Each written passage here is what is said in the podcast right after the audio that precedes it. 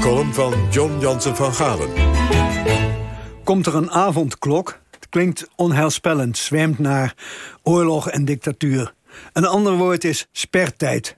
Klinkt nog grimmiger, naar de Duitse bezetting. Twee keer maakte ik een avondklok mee. De eerste was in 1975 op de Filipijnen, waar het curfew heette, naar couvre-feu, gedoofde vuren. Ik was naar het land meegetroond door fotograaf Vincent Mensel... die de islamitische guerrilleros in het zuiden wilde fotograferen... bij een artikel dat ik dan moest schrijven.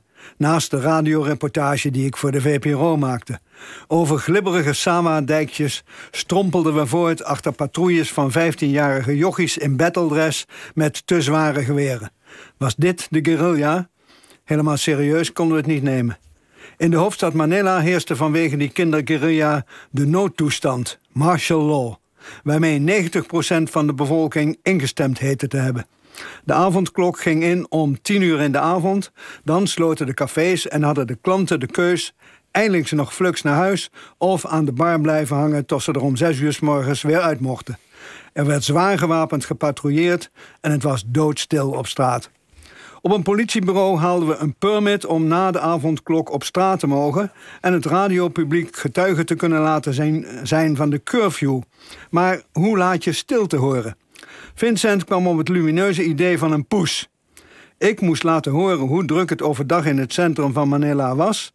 en dan na tienen met de microfoon een poes volgen... die na de avondklok op hetzelfde punt de straat overstak. Hoor, het geluid van kattennageltjes op het plaveisel. Zo klinkt nou een curfew. De tweede keer was in 1980, na de staatsgreep in Suriname. Paramaribo ging al om zes uur op slot. Even daarvoor liep ik gauw bij de Chinezen op de hoek binnen... sloeg hete Surinaamse broodjes in en een jogo... een liter fles Parbo bier... en installeerde mij op het balkon van de Waika... het hostel van de Young Christian Women's Association... waar ik logeerde. Dan bewoog niets meer op straat. Alleen iemand die zich verlaat had, haastte zich naar huis.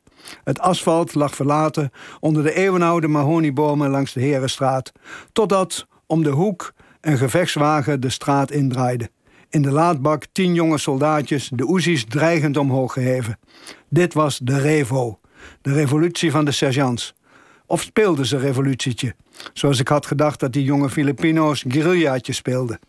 Wat vinden jullie van de staatsgreep? vroeg verslaggever Jozef Slagveer de volgende dag aan schoolkinderen in Paramaribo. Niet goed, zei een jongetje. Ze schieten mensen dood. Maar, bracht Jozef, die een vurig aanhanger van de Revo was, daartegenin... maar ze schieten toch niet alle mensen dood?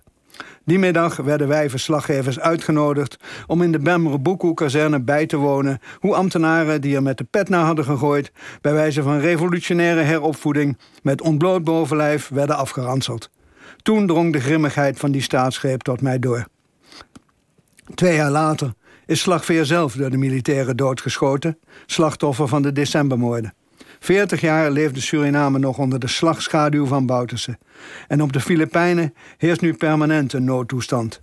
De werkelijkheid is vaak grimmiger dan je jezelf aanvankelijk wil bekennen.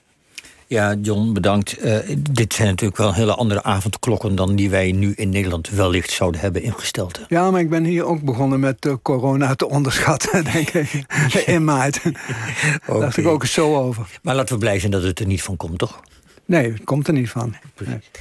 En dan nu,